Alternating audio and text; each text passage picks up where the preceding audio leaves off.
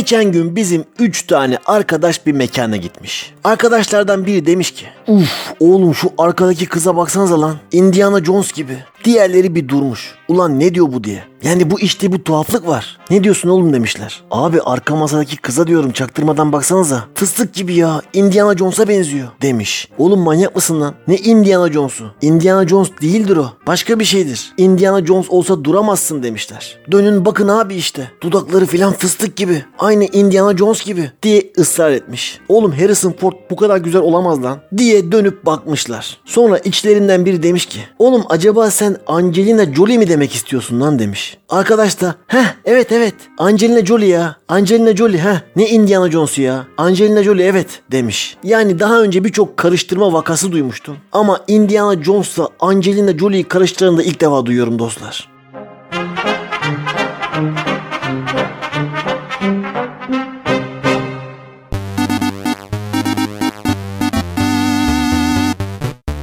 Sizi tenzih ederim.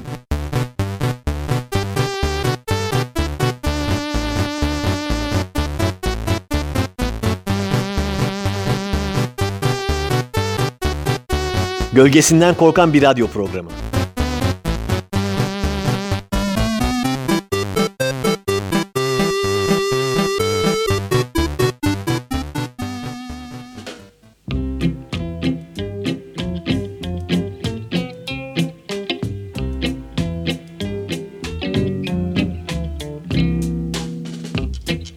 Merhaba sevgili Radyo Karavan dinleyenler. Nasılsınız inşallah? İyisiniz maşallah diyoruz ve 111. bölümümüzde açıyoruz. Dostlar bana geçen hafta dayı dediler. 20'li yaşlarındaki gençlerin bana dayı demesinin hüzün dolu, yürek dağlayan hazin öyküsünü birazdan anlatacağım. Ama ondan önce dayı nedir? Kimlere dayı denir? Dayılık müessesesi ve modernizm konuları hakkında biraz ahkam kesmek istiyorum. Hani bazı teyzeler vardır ya. O teyzelere teyze dediğinizde size çok kızarlar. Teyze değilim ben ablayım derler. Terbiyesiz derler. Ağzını topla derler. Derler de derler. Aynı şekilde bazı amcalara amca dediğinizde de onlar da kızar. Ne dedin ne dedin? Amca mı? Amca senin babandır lan derler. Ama bu iki durumda da teyze ve amcalıkla itham edilen kişilerin sinirlenmesinin sebebi fizikseldir. Yani o kişiler kendilerini olduklarından daha genç gördükleri ya da en azından öyle hissettikleri için karşı tarafın kendilerine yaşlı muamelesi yapmasından rahatsız olurlar. Daha o kadar yaşlanmadık. Bizde hala iş var demek istemektedirler. Ama dayı başka dostlar. Dayı hitabı evlerden ırak. Düşmanımızın başına gelmemesini dilememiz gereken bir sesleniş. Bir ünleme. Dayılık akraba ilişkilerindeki teknik durumunu bir kenara bıraktığımızda artık bir siyasi duruş, bir ekonomik gösterge, bir sosyal sınıf belirteci durumunda bir kelime. Peki nedir dayı?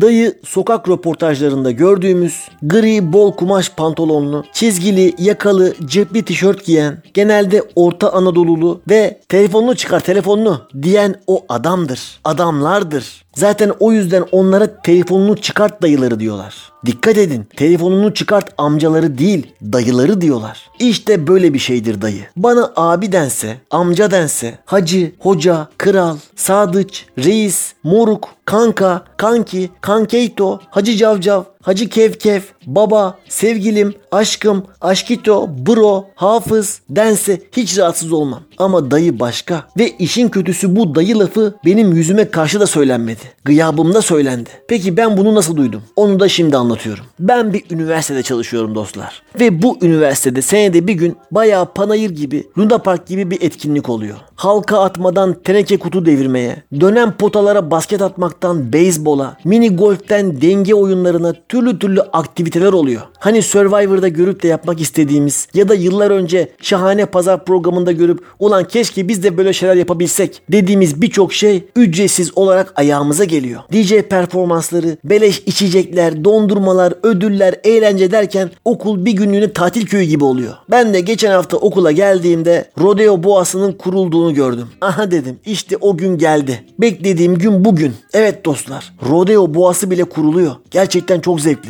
Ben her sene yapıyorum. Bu aletleri getirip okula kuran sonra da başına geçip joystickle oynatan görevliler de her sene aynı kişiler olduğundan onlarla da az çok tanışıklığımız muhabbetimiz oluyor. Ben o gün hemen öğle arasında oyunlara koştum. İş yerinden arkadaşları da ikna etmeye çalıştım. Toplayabildiğim kadar adam topladım. Çünkü bazı oyunlar için ekip gerekiyor. Mesela dev balonların içine girip yuvarlana yuvarlana top oynamak için, dev langırtın içine girip maç yapmak için hep ekip gerekiyor. Ben hemen rodeo boğasına gittim. O gün boğaya bineceğimi bilmediğimden ayaklarımda renkli puantiyeli çoraplarım vardı. Ayakkabılarımı çıkartıp benekli çoraplarımla boğaya bindim. Benden önceki çocuğun yere düşerken koparttığı boğanın sol boynuzunu düzelttim. Sonra ipi tuttum. Dedim bunun ipini uzatmışsınız. İki sene önce bunun ipi kısaydı. Vallahi abi dün değiştirdik ipini dediler. O zaman ben daha uzun dururum ya bunda dedim. İp uzunsa kolay.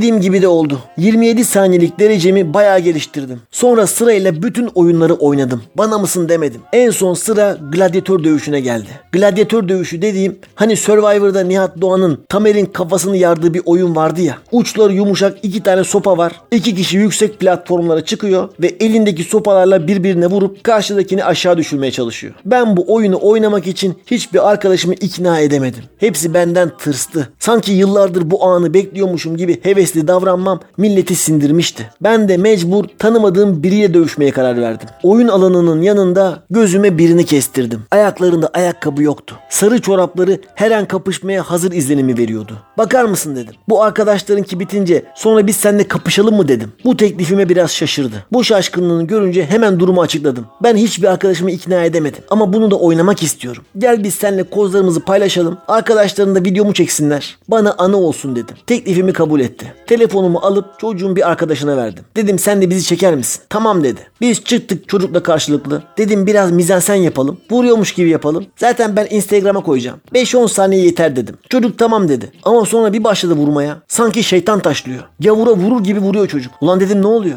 Ben de patlattım iki tane. Baktım düşmüyor. Sonra biz baya baya birbirimize girdik. Kafa göz Allah ne verdiyse dalıyoruz. Ben en son işi goygoya vurdum. Obi-Wan Kenobi gibi ışın kılıcı numaraları yapmaya başladım. Komiklik olsun diye. Millet gerçek sandı. Gaza geldi. Tezahüratlar falan yapmaya başladılar. Sonra biz aynı anda düştük çocukla. Yenişemedik. Dedim galibi foto finish belirleyecek. Çocuklara teşekkür ettim. Telefonumu aldım. Tam o sırada telefonumun şarjı bitti. Onu şarja koydum. Birkaç iş geldi. Onları falan yaptım derken akşam oldu. Servisle eve dönerken dedim şu videoları bir izleyeyim. Açtım izliyorum ve izlerken acı gerçekle karşılaştım. Videoyu çeken çocukların sesi, yaptıkları yorumlar çok net geliyordu. Ve ben Jedi hareketleri yapmaya başlayınca çocuklardan şöyle bir yorum geldi. Aa dayıya bak lan dayı ne yapıyor? Evet dostlar acı ama gerçek. Çocuklar benden dayı diye bahsediyorlardı. Ulan bir kere ben küpeliyim. Küpeli dayı mı olur? Buradan o arkadaşlara teessüf ediyorum. Ve ben dayı değilim çocuklar. Ben abiyim diyorum.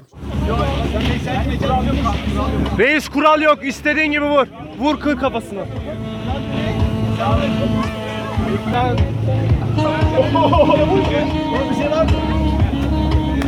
Abi alttan alttan. Biraz daha Aynen aynen aynen. Aa dayıya bak lan. Dayı ne yapıyor? Vur öyle.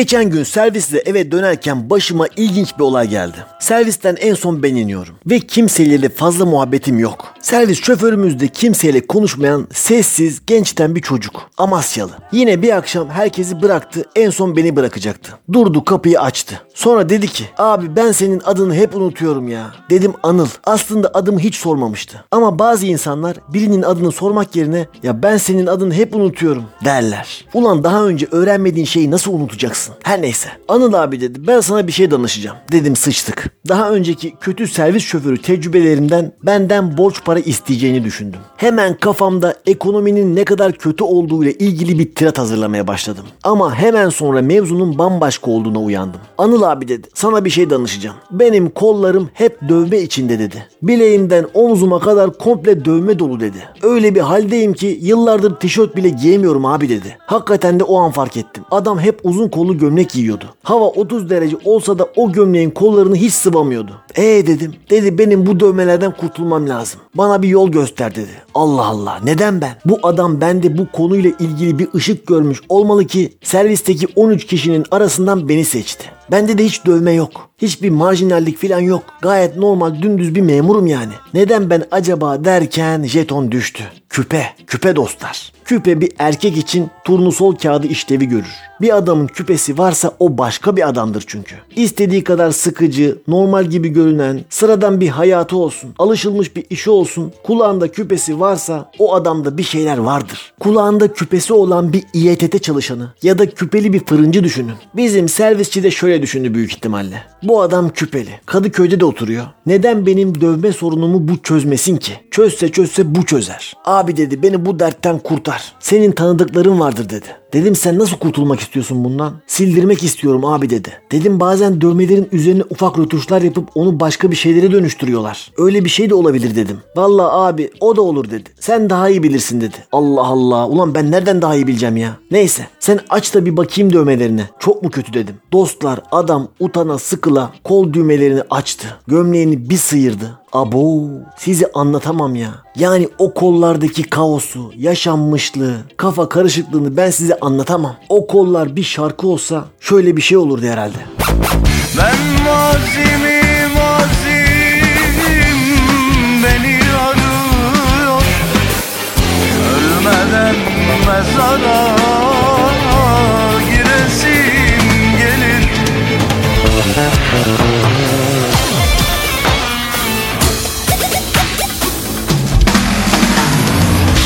Hani sevdiklerim,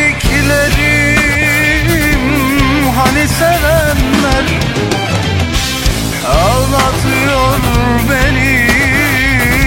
Acı gerçekler. Bitmiyor isyanlar, bitmiyor suçlar. İnmiyor başımı yarabbim vurdum taşlar. İhtiyar olmadan Saçlar Kar beyaz saçımı Yolasım gelir Dedim hocam sen ne yaptın ya? Bu kolların hali ne? Üstelik ikisi de aynı halde. Dedi abi gençlik hatası işte. Cahilliğimize geldi. Bir kaza oldu. Bir anda oldu dedi. Dedim oğlum bu bir anlık olacak bir şey değil ki. Burada sistematik bir hatalar zinciri var. Kaza dediğin bir an olur. Bu kaza değil. Bu tekrar eden bir sistem yanlışı dedim. Ne kadar zamanda yaptılar bunu sana dedim. Bir gecede dedi. Benim aklım çıktı. Oğlum nasıl lan bir gecede dedim. Olamaz yani. Dört dövmeci aynı anda mı çalıştı? Yok abi bir arkadaş sabahladı. Bir günde yaptı dedi. Dedim arkadaş bayağı yılların birikimini senin kollara dökmüş ya. İçini senin bedenini nakşetmiş. Ne var ne yoksa kusmuş dedim. Sen bu kolları bu arkadaşa götür o düzeltsin dedim. Abi arkadaşı aşırı dozdan geçen sene kaybettik dedi. Dedim başınız sağ olsun. Şaka şaka öyle demedi. Bir şey yapamaz mıyız abi dedi. Dedim bunun rötuşla düzeltilecek bir hali kalmamış. Çünkü hiç boşluk yok. Lazerle sildirmeye kalksan da acayip iz filan kalır. Ben derin aklı öneriyorum dedim. Tabi öyle demedim. Araştırırız dedim. Benim dövmeci arkadaşlarım var onlara sorarız dedim. Gözünü seveyim abi kurtar beni şu dertten dedi. Allah Allah nereden çıktı ya? Durup dururken sırtıma yük bindirdi. Bakarız sen merak etme araştırırız internetten dedim. O kolları size anlatamam dostlar. Birbirinin içine girmiş karışık şekiller, yazılar, güller, hayvanlar, yer yer solmuş, maviler, siyahlar, kırmızılar filan. Yani tam bir deli defteri gibi. Eyvah dedim ya yazık valla. Sonra gittim internetten lazerle sildirme işlerini araştırdım. Dedim ben bu işe nasıl düştüm ya? Bayağı çatır çatır siliyorlar ya dövmeleri çok ilginç. Ama fiyatları dövmenin karışıklığına ve kapladığı alana göre veriyorlar. Dedim bu çocuk bu işe bir servet harcayacak demek ki. Ertesi gün araştırmalarımı rapor şeklinde kendisine sundum. Dedim böyle böyle. Lazerde santimetre kare hesabı yapıp ona göre fiyat veriyorlar. Biliyorum abi ya ben de araştırdım dün dedi. Ulan hıyar madem araştırabiliyorsun beni niye yoruyorsun o zaman? Ben de baktım abi dövmelerin fotoğrafını istediler dedi. E ne kadar fatura çıkardılar dedim. Dedi 15 bin lira abi. Oğlum bayağı iyi lan 15 bin lira. Ben bir ev fiyatı gömersin sanmıştım dedim. Aa iyi lan vallahi süpermiş dedim. Ben adamdan daha çok sevindim. Ama o hala üzgündü. Belli ki lazerli yeni kolları ve yeni hayatı için 15 bin lira fazla gelmişti. Olayın üstünden haftalar geçti. Havalar iyice ısınmaya başladı. Ama bizimki hala uzun kollu gömlek giyiyordu. Aslında bir yandan da iyi oldu. Böyle özgün bir çalışmanın lazerler altında gidip gitmesi dövme sanatı için büyük bir kayıp olabilirdi.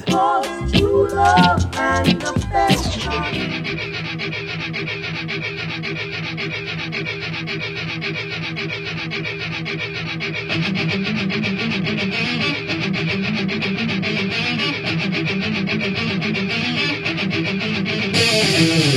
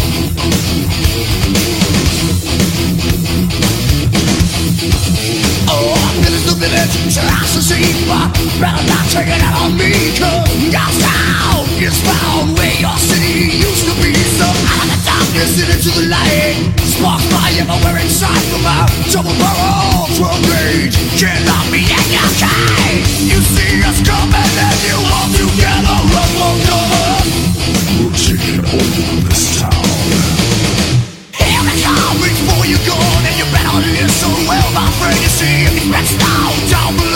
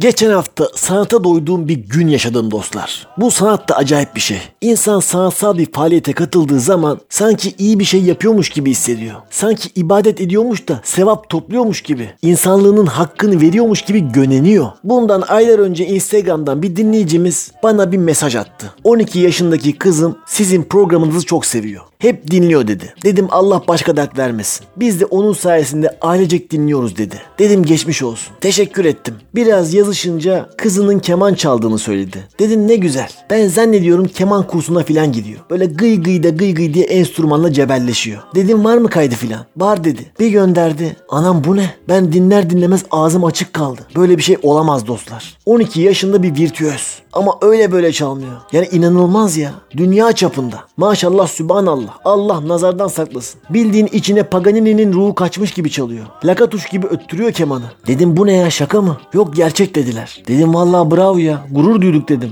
Şu an ülkece gurur duyduk. Geleceği çok parlak olur inşallah dedim. Sonra gel zaman git zaman bu genç dinleyicimizin İstanbul'da bir konseri olacağı haberini aldım. Sağ olsunlar davet ettiler. Ben de büyük bir heyecanla gitmeye karar verdim. İş yerim konserin yapılacağı yere yakın olduğu için iş çıkışı yürüyerek giderim dedim. Ama hava nasıl soğuktu anlatamam dostlar. Mayıs ayında olmamıza rağmen rüzgar soğuk soğuk esiyordu. Benim de üstüm inceydi. O yol yürüdükçe uzadıkça uzadı. Kulaklarım, burnum, boğazım her yerim dondu. Yol bitmedi. En sonunda konserin olduğu yere vardım. Ama daha bir saat vardı. Dışarısı o kadar soğuktu ki içeride bekleyeyim bari dedim. Konser salonunun girişinde de bir resim sergisi vardı. Oh dedim süper. Bir taşla iki kuş. Leblebi gibi, fındık fıstık gibi toplarım sevapları şimdi. Hem klasik müzik konserine gidiyorum hem de resim sergisi geziyorum. Daha ne olsun. Zaten sabah da serviste bir 30 sayfa kitap okumuştum. Akşam eve dönünce de bir heykel yapsam tamamdır bu iş. Kızımın kurumuş, renkleri birbirine karışmış oyun hamurlarıyla bir heykel yaparım dedim. Böylece sanatla dolu bir gün geçirecektim. O oyun hamurlarının da açıldıktan sonra renklerinin tamamen birbirine karışıp çamur gibi bir hal alması 15 dakika falan sürüyor. Nedense çocuklar onların hepsini birbirine karıştırmayı çok seviyorlar. Hamurların tamamen kuruması da 2 gün sürüyor. Oyun hamuru maalesef çok verimsiz bir ürün ama aşırı zevkli o ayrı. Bir de bence içinde siyah ve beyaz olan oyun hamurlarıyla çok daha güzel şeyler yapılabiliyor. Buradan üreticilere sesleniyorum. Siyah ve beyazı az da olsa mutlaka oyun hamuru setlerinin içine ekleyin. Bir kere siyah ve beyaz olduğunda göz yapılabiliyor. Daha ne olsun. Her neyse. Ben soğuktan kaçıp resim sergisini gezmeye başladım ama sıkıldım. Zaman geçmek bilmedi. Dedim bari konser salonunda bekleyeyim ya. Orası daha sıcaktır. Koltuklar yumuşaktır. Çıktım önlere doğru oturdum. Sonra dinleti başladı. Kayıttan dinlemek güzel ama canlısını dinlemekten ayrı bir etkilendim. 12 yaşındaki keman virtüözü Neva kardeşimiz o kadar güzel çaldı ki yine kulaklarıma gözlerime inanamadım. Konserden sonra annesine de söyledim. Dedim artık bu kıza yeni bir enstrüman alabilirsiniz. Çünkü keman bitmiş dedim. Bu tamamdır yani olmuş bu. Gerçekten insanla yarattığı his bu. Yıllar önce abim gitar çalmaya karar vermişti. Ve babama bir klasik gitar aldırmıştı. Bir seneye yakın onu çaldıktan sonra bir gün gelip baba ben akustik gitar istiyorum demişti. Babam da abime klasik bitti mi diye sormuştu. Babama göre gitar bitebilen bir şey. Mühendis kafasıyla insan böyle düşünüyor demek ki diye düşünmüştüm o zaman. Ama şimdi Neva'yı görünce gerçekten de bir enstrüman bitebilirmiş demek ki diyorum. Tekrar maşallah. Bir kere sevgili Neva'nın bu kadar güzel keman çalmasının yanında çok önemli bir özelliği daha var. O da bizim programımızı dinlemesi ve sevmesi. Kendisini bir kez de buradan bu doğru kararı için tebrik ediyorum. Sizi tenzih ederim ailesi olarak başarılarının daim olmasını diliyorum. Bu arada sizi tenzih ederim ailesi benim.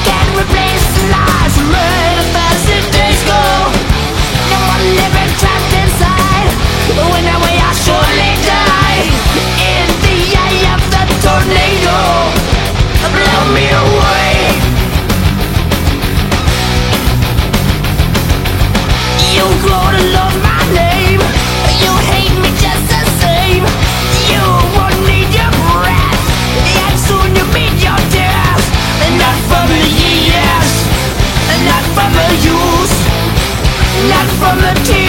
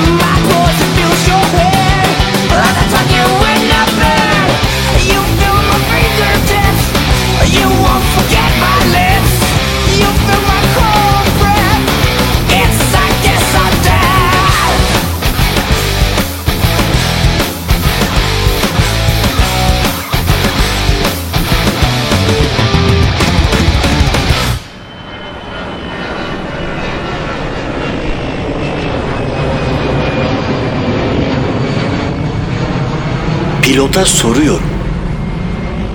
Pilota soruyorum bölümüyle karşınızdayız. Pek değerli ve kıymetli dinleyenlerimiz her zaman olduğu gibi yanımızda pek değerli ve kıymetli ama sizden pek değerli ve kıymetli olmasın pilot arkadaşım var. Kendisine hoş geldin diyorum. Hoş geldin. Hoş bulduk. Nasılsın? İyiyim sen nasılsın?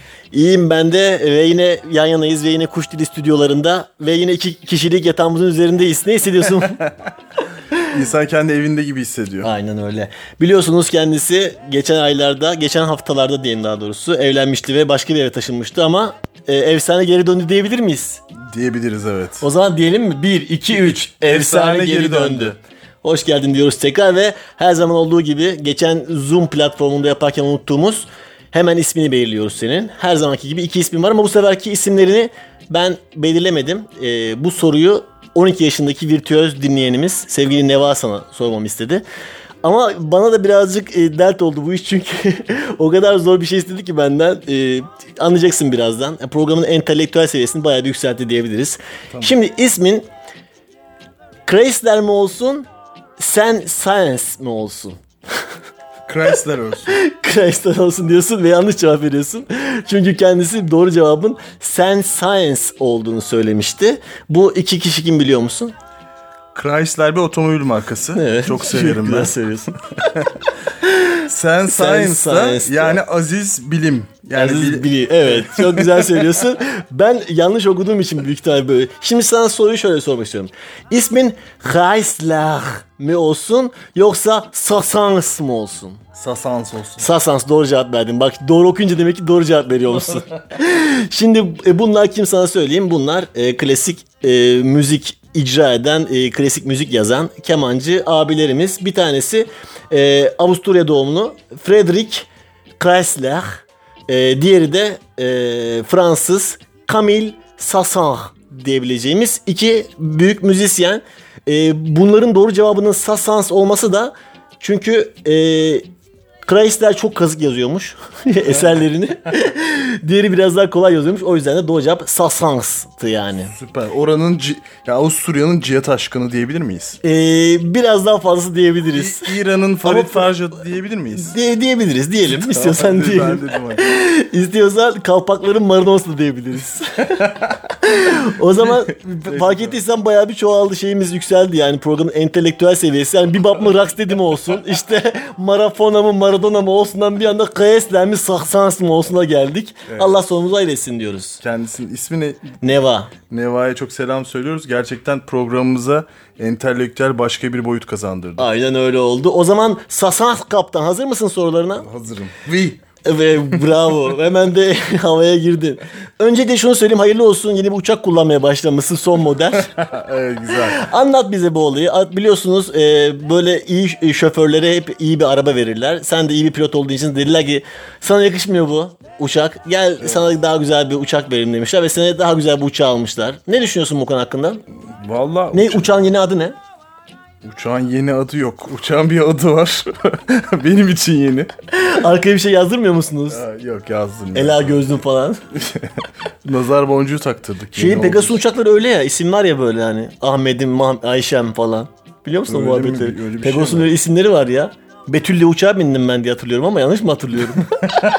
Baya isimli uçaklar böyle Ahmet, Kavim- Ayşe, kavim Betül. memurunun isimlerini karıştırmış. Bilmiyorum neyse onu araştırırız Bizde da. yer isimleri var. Çorlu var. İşte şey var. İşte Sivas var mı?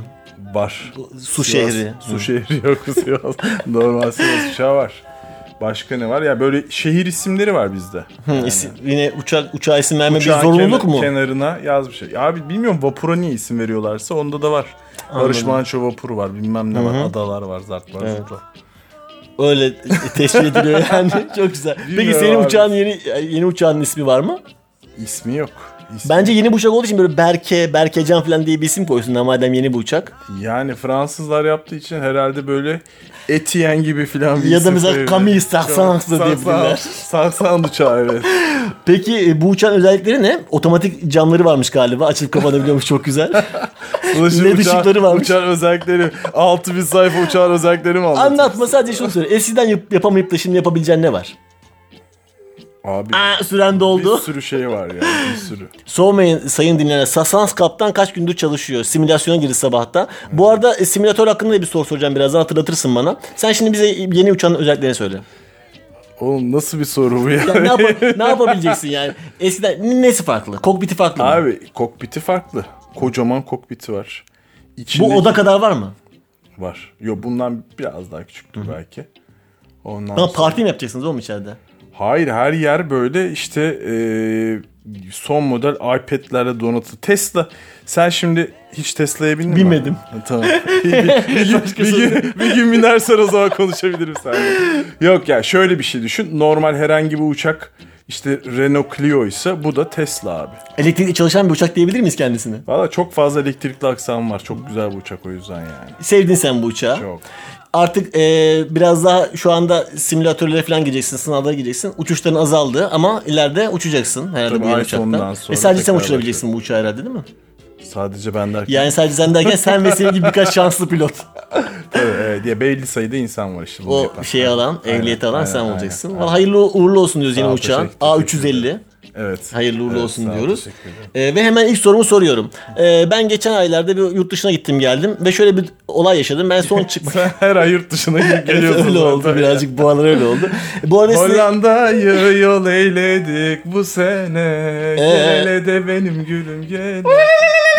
Diyoruz ve hemen soruma geçmek istiyorum Nike izin Ha, verirse. geçemezsin. Şöyle oldu. Ee, bu arada Pegasus'a gidecek arkadaşlara şunu söyleyeyim. Arkadaşlar e, para verip de sakın yer almayın. Yer satın almayın çünkü para vermediğiniz zaman size en güzel yerleri veriyorlar. Hani tıka basa uçakta ben 3 kişi yan yana bomboş gittiğim çok oldu. Yani hiç ben seçmiyorum. Cimri bir insan olduğum için yer seçmiyorum. Hep, hep bana 27C, 28A gibi yerlere atıyorlar. Ve hep yanım hep bomboş oluyor. O yüzden de hiç para vermesinler. Boş ve rahat gitmenin keyfini yaşasınlar. Nasıl oluyor lan? Ya bütün uçak tıklım tıkış benim yanım hep boş oluyor. Yani 3 tane yerim hep boş oluyor anlamadım. En son o koltuklar boş kalıyor Evet, da aynen öyle. seçmeyenleri oraya mı yerleştiriyor? Aynen öyle oluyor. Yani o aradaki o acil çıkış kapılarının bir arkası bir önü en rahat yerler genelde oluyor ve onlar hep boş oluyor. Ben ayaklarımı uzata uzata püfür püfür gidiyorum. Neyse geçen sefer yine öyle bir yere gittim. Ee, en arkalara yakındı. Önden uçuş verdiler. Önden çıkış verdiler. Herkesin inmesini bekledim. Herkes indi. Ben de indim. İndim ve şunu fark ettim. Şapkam uçağın içinde kalmış. Ben şapkamı takıyorum. Bir Onu takmıştım yani. Ben çok takmam ya alışmış. Ee, alışmamış vücutta şapka durmadı. Şapkam yok. İçeri gireyim dedim izin vermediler. Ben şaka yapıyor zannettim. Bildiğin yolumu kesti. Dedi ki lütfen giremezsiniz beyefendi yasak dedi. Oha baktım pilot falan da geldi. Dedim ama dedim şapkamı düşürdü şey yaptım unuttum. Dedi "Ka- kaç dedi dedim 27C.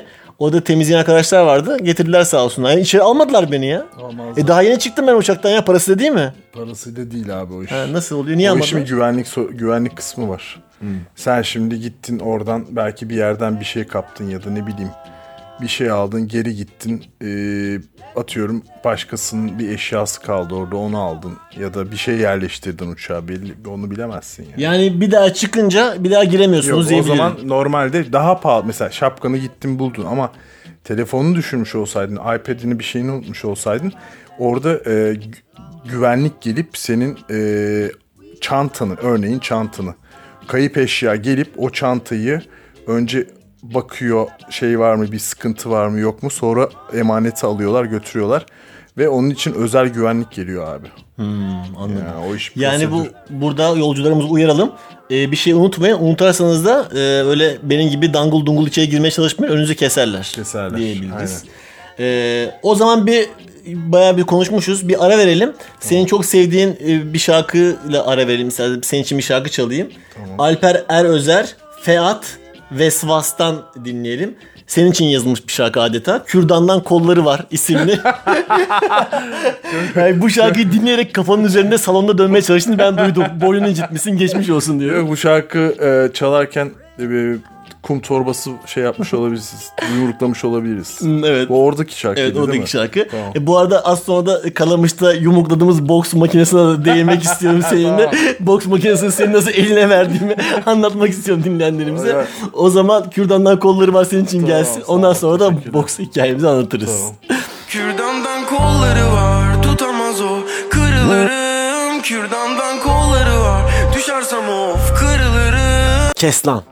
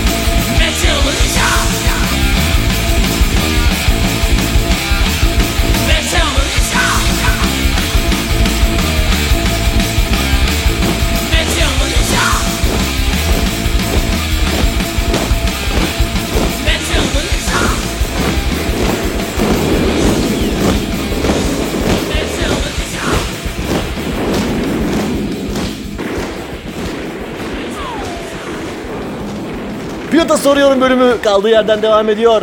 Sasans kaptan yanımda. Ve kendisine sorularımla zor anlar yaşatıyorum. Hadi bakalım Kalamış'ta boks makinesi vardı bir tane. Dedik ki gel şuraya birer yumruk atalım. Madem biz boksa gidiyoruz seninle gücümüzü gösterelim dedik. Sen dedin ki ne kadar dedim 1 lira. O dedim süper 1 lira 3 tane vurabiliyorsun ama dedim çok iyi dedin. Aldın 2 tane bozuk para gittik oraya. Ne oldu sonra? Sonra 1 liraya bir tane vurabildiğimiz. ya, arkadaşlar tam bir para tuzağı. Ben böyle rezillik görmedim. 1 liraya bir tane vurabiliyormuşuz. 1 liraya bir tane yumruk atılabilen bir dünyada boks diye bir spor kalmazdı yani. Aynen öyle. Ve Bu işi fakirler yapamazdı. Zenginler Zengin çoraplarını çekerler boks. dizine kadar. Aynen golf bugün neyse boks o olurdu. Aynen. Polo. Yani bir- bir-? Polo oynayacağız oradan da boksa gideceğiz. Yani bir şey yumruklamak bu kadar pahalı olmamalı. Özellikle günümüz Türkiye'sinde. Peki ne oldu? Attın 1 lirayı, çaktın yumruğu. Orada bir tane şey var. e, altta rekor var. Bu makinenin rekoru. Atıyorum 2800'dü. Sen vurdun böyle bir 2600'e kadar çıkarttın 2630'a kadar. 2756 yaptım. Bayağı bir yaptı. Az kaldı. yaptım. Rekoru az kaldı ama rekoru geçemedi. Geçemedim ya. Zaten büyük ihtimalle onu ayarlamışlar şerefsizler. Tam böyle rekora yaklaşıyorsun ve tekrar para atmak zorunda kalıyorsun. Valla onu bir şeyi vardır ya. Bir tekniği falan vardır. Ona birkaç kere vurursan herhalde. Hani bu asla tutulamayan oyuncaklar var ya böyle bir yani pençe iniyor. Asla böyle hani hep böyle kayıyor ya bir Evet, yerde. evet, Onu bir ayarını yapıyorlar. Abi komik olan şu. e, orada on- 9-10 yaşında çocuk vardı. O da vurdu. O da 2600 Evet, yaptı. ama, ama o çok güçlüydü. Ben anlayamadım abi. Öyle bir Sonra şey. geldim ben vurdum o ya. çocuktan daha düşük yaptım. Sonra çocuk bana tip tip bakmaya başladı. Sonra ben gururumu yedirmedim gittim 2 lira daha aldım. Sonra tekrar vurduk. Bu sefer çocuğu geçtim ama. çocuğu geçip dönüp aa girdi mi seni geçtin diye sevindim. Ben bana da komik bir şey oldu. Sen gittin para almaya gittiğinde bende de 1 lira kalmıştı. Abi dedi bozuk öbür çocuk gözlüklü olan ama çelimsiz olan. Abi dedi var mı 1 liram ben de bir tane vurayım dedi. ben de dedim ki var ama bana kadar. Benim yumruğuma kadar var. Ben, Resmen dedim, bu, ben bu kadar 40 kilosu 30 kilosundan ne yapacaksın ona vurup dedim kendi Resmen içimde. çoluğumuzun çocuğumuzun rızkını boks makinesine yatırdık. Ama ne yaptık? Güzel oldu vurduk. Çocuk bana şey dedi beni gaza getirdi. Abi bu sefer kırabilecek misin rekoru dedi. ben şey dedim kırarız. ama yine bayağı yaklaştık ama tabii ki rekoru kıramadık. Ve üzerinde yazan yazı da çok güzeldi. Dedi ki lütfen tekme atmayınız. Ulan ona nasıl tekme atalım? Zaten 1.80 boyunda bir şey. Şey Zaten ona tekme atmak için milli judocu, tekmandocu olmak lazım. Tekvandocu olmak lazım. Evet. Neyse öyle bir anımız oldu. Kürdandan kolları var senin için geldi. Güzel oldu bu muhabbete de. O zaman diğer soruma geçiyorum. Tamam. Uçakta koltuklar yatmıyor. Niye? Nereden çıktı yapmadığı ya? Uçakta koltuklar bizim oturduğumuz koltuklar yatmıyor. Sen öyle Pegasus'un koltukları yatmıyor. Tamam. A320 dandik uçak mı? Daha dün, dün kullanıyordun dandik Kanka, değil de A320 şimdi A350'ye geçince mi dandik oldu? A320'nin dandik olması değil. O koltuk konfigürasyonunu şirket belirler. Heh, ben de sana bunu söyleyeceğim. Şimdi kimseye laf etmeyelim Ha yani. tamam şöyle bir durum var. O koltuklar yatmıyor. Ve sıkıntı şu ben sana şunu soracağım. Yatmayan koltuklara her defasında koltuklarınızı dik konuma getiriniz diye uyarı yapılıyor. Bir, Yani o yasal uyarı abi sivil havacılıktan Ama koltukları ben zaten yatıramıyorum ki yani yatay konuma getiremedim koltuğu ben nasıl dik konuma getireceğim? Abi demek şöyledir. Senin uçtu mesela adamlarda 150 tane uçak vardı ya da 100 tane uçak vardır. Bunlardan 30 tanesinin koltuğu yatıyordu. Ayrı ayrı anons mu yapacağız diyorsun Ha. onların hepsine? Ya Öyle şey mi olur lan? Yapacaksın tabii. Artiste bak. Oğlum Bilet sen- kesmeyi biliyorsan 3000 liraya ama.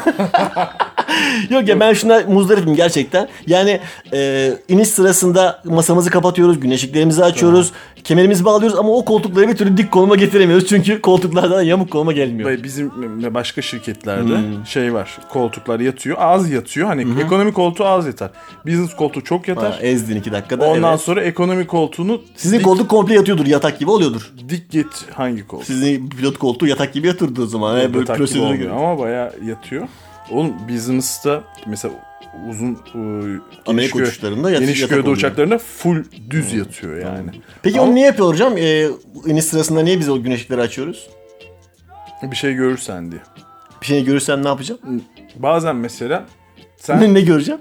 Motorun yandığını görebilirsin. E, daha Daha içeri pilota şey haber vereceğim. Tabii canım şeyi çağırıyorsun. Bakar mısın? Bir ışık, ışık ışık mı haber Sadece sen değil. Mesela şey de kabin ekibi de bir duman görebilir, bir şey görebilir. Tamam. Anladın? Bir çatlak mesela. Tamam güneşlikleri şey. anladık. Ee, masayı niye kapadık konuma getiriyoruz? Masayı. Çünkü sen mesela e, brace for impact diye bir şey var ya. Ha hani. tabii tabii. Ne o ne o ne o ne oğlum sanki biliyormuş gibi. brace yani şeye çarpışmaya hazırlıklı olun.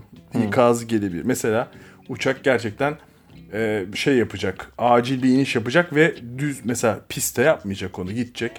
denize yapacak, bilmem ne yapacak. Sally'nin filminde olduğu Evet. gibi.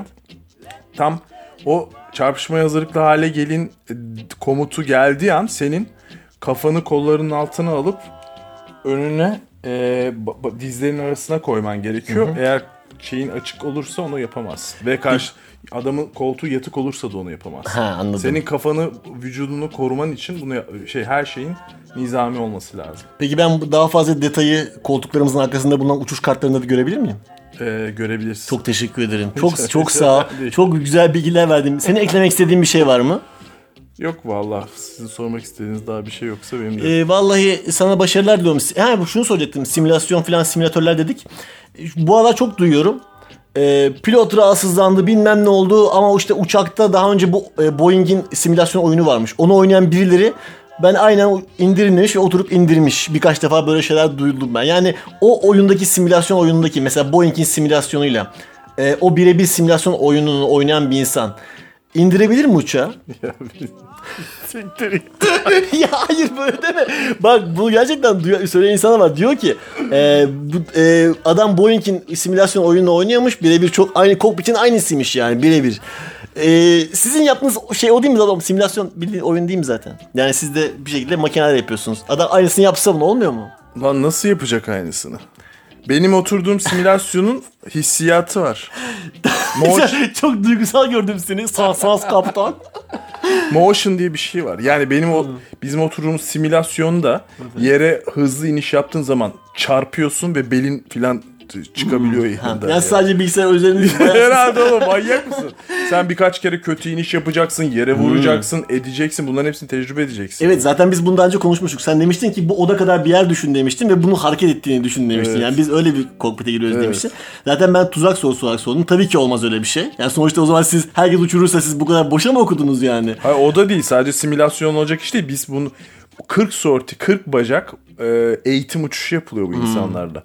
Yani baktı yap- tam yapamıyor. Yanındaki hoca kontrolü alıyor, o indiriyor. Evet o zaman yani bu şeye benziyor. Diyelim ki ben araba kullanmadım ama işte araba simülasyonu evde oturdum.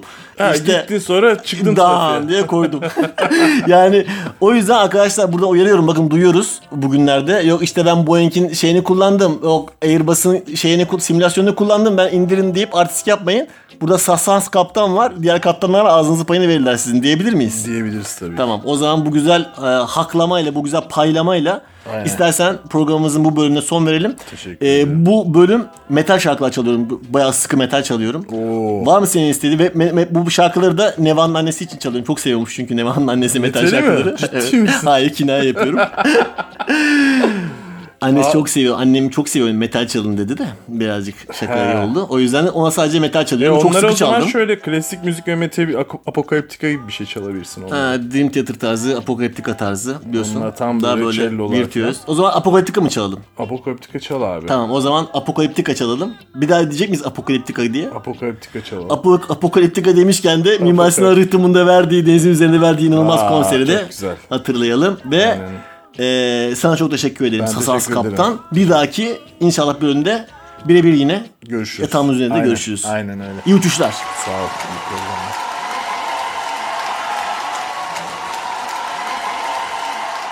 Bu arada nereye geldik bilin bakalım. Evet doğru bildiniz. Bir programımızın daha sonuna geldik. Bir dahaki programda görüşmek üzere. Hoşçakalın.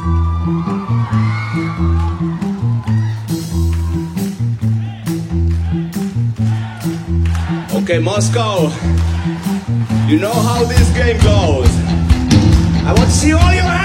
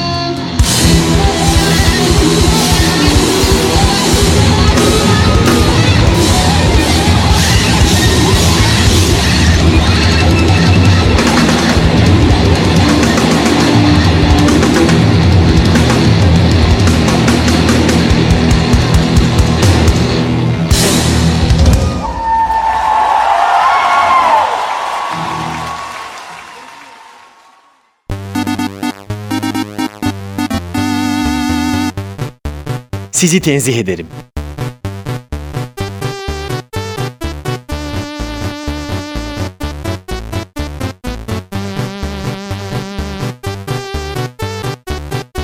Gölgesinden korkan bir radyo programı.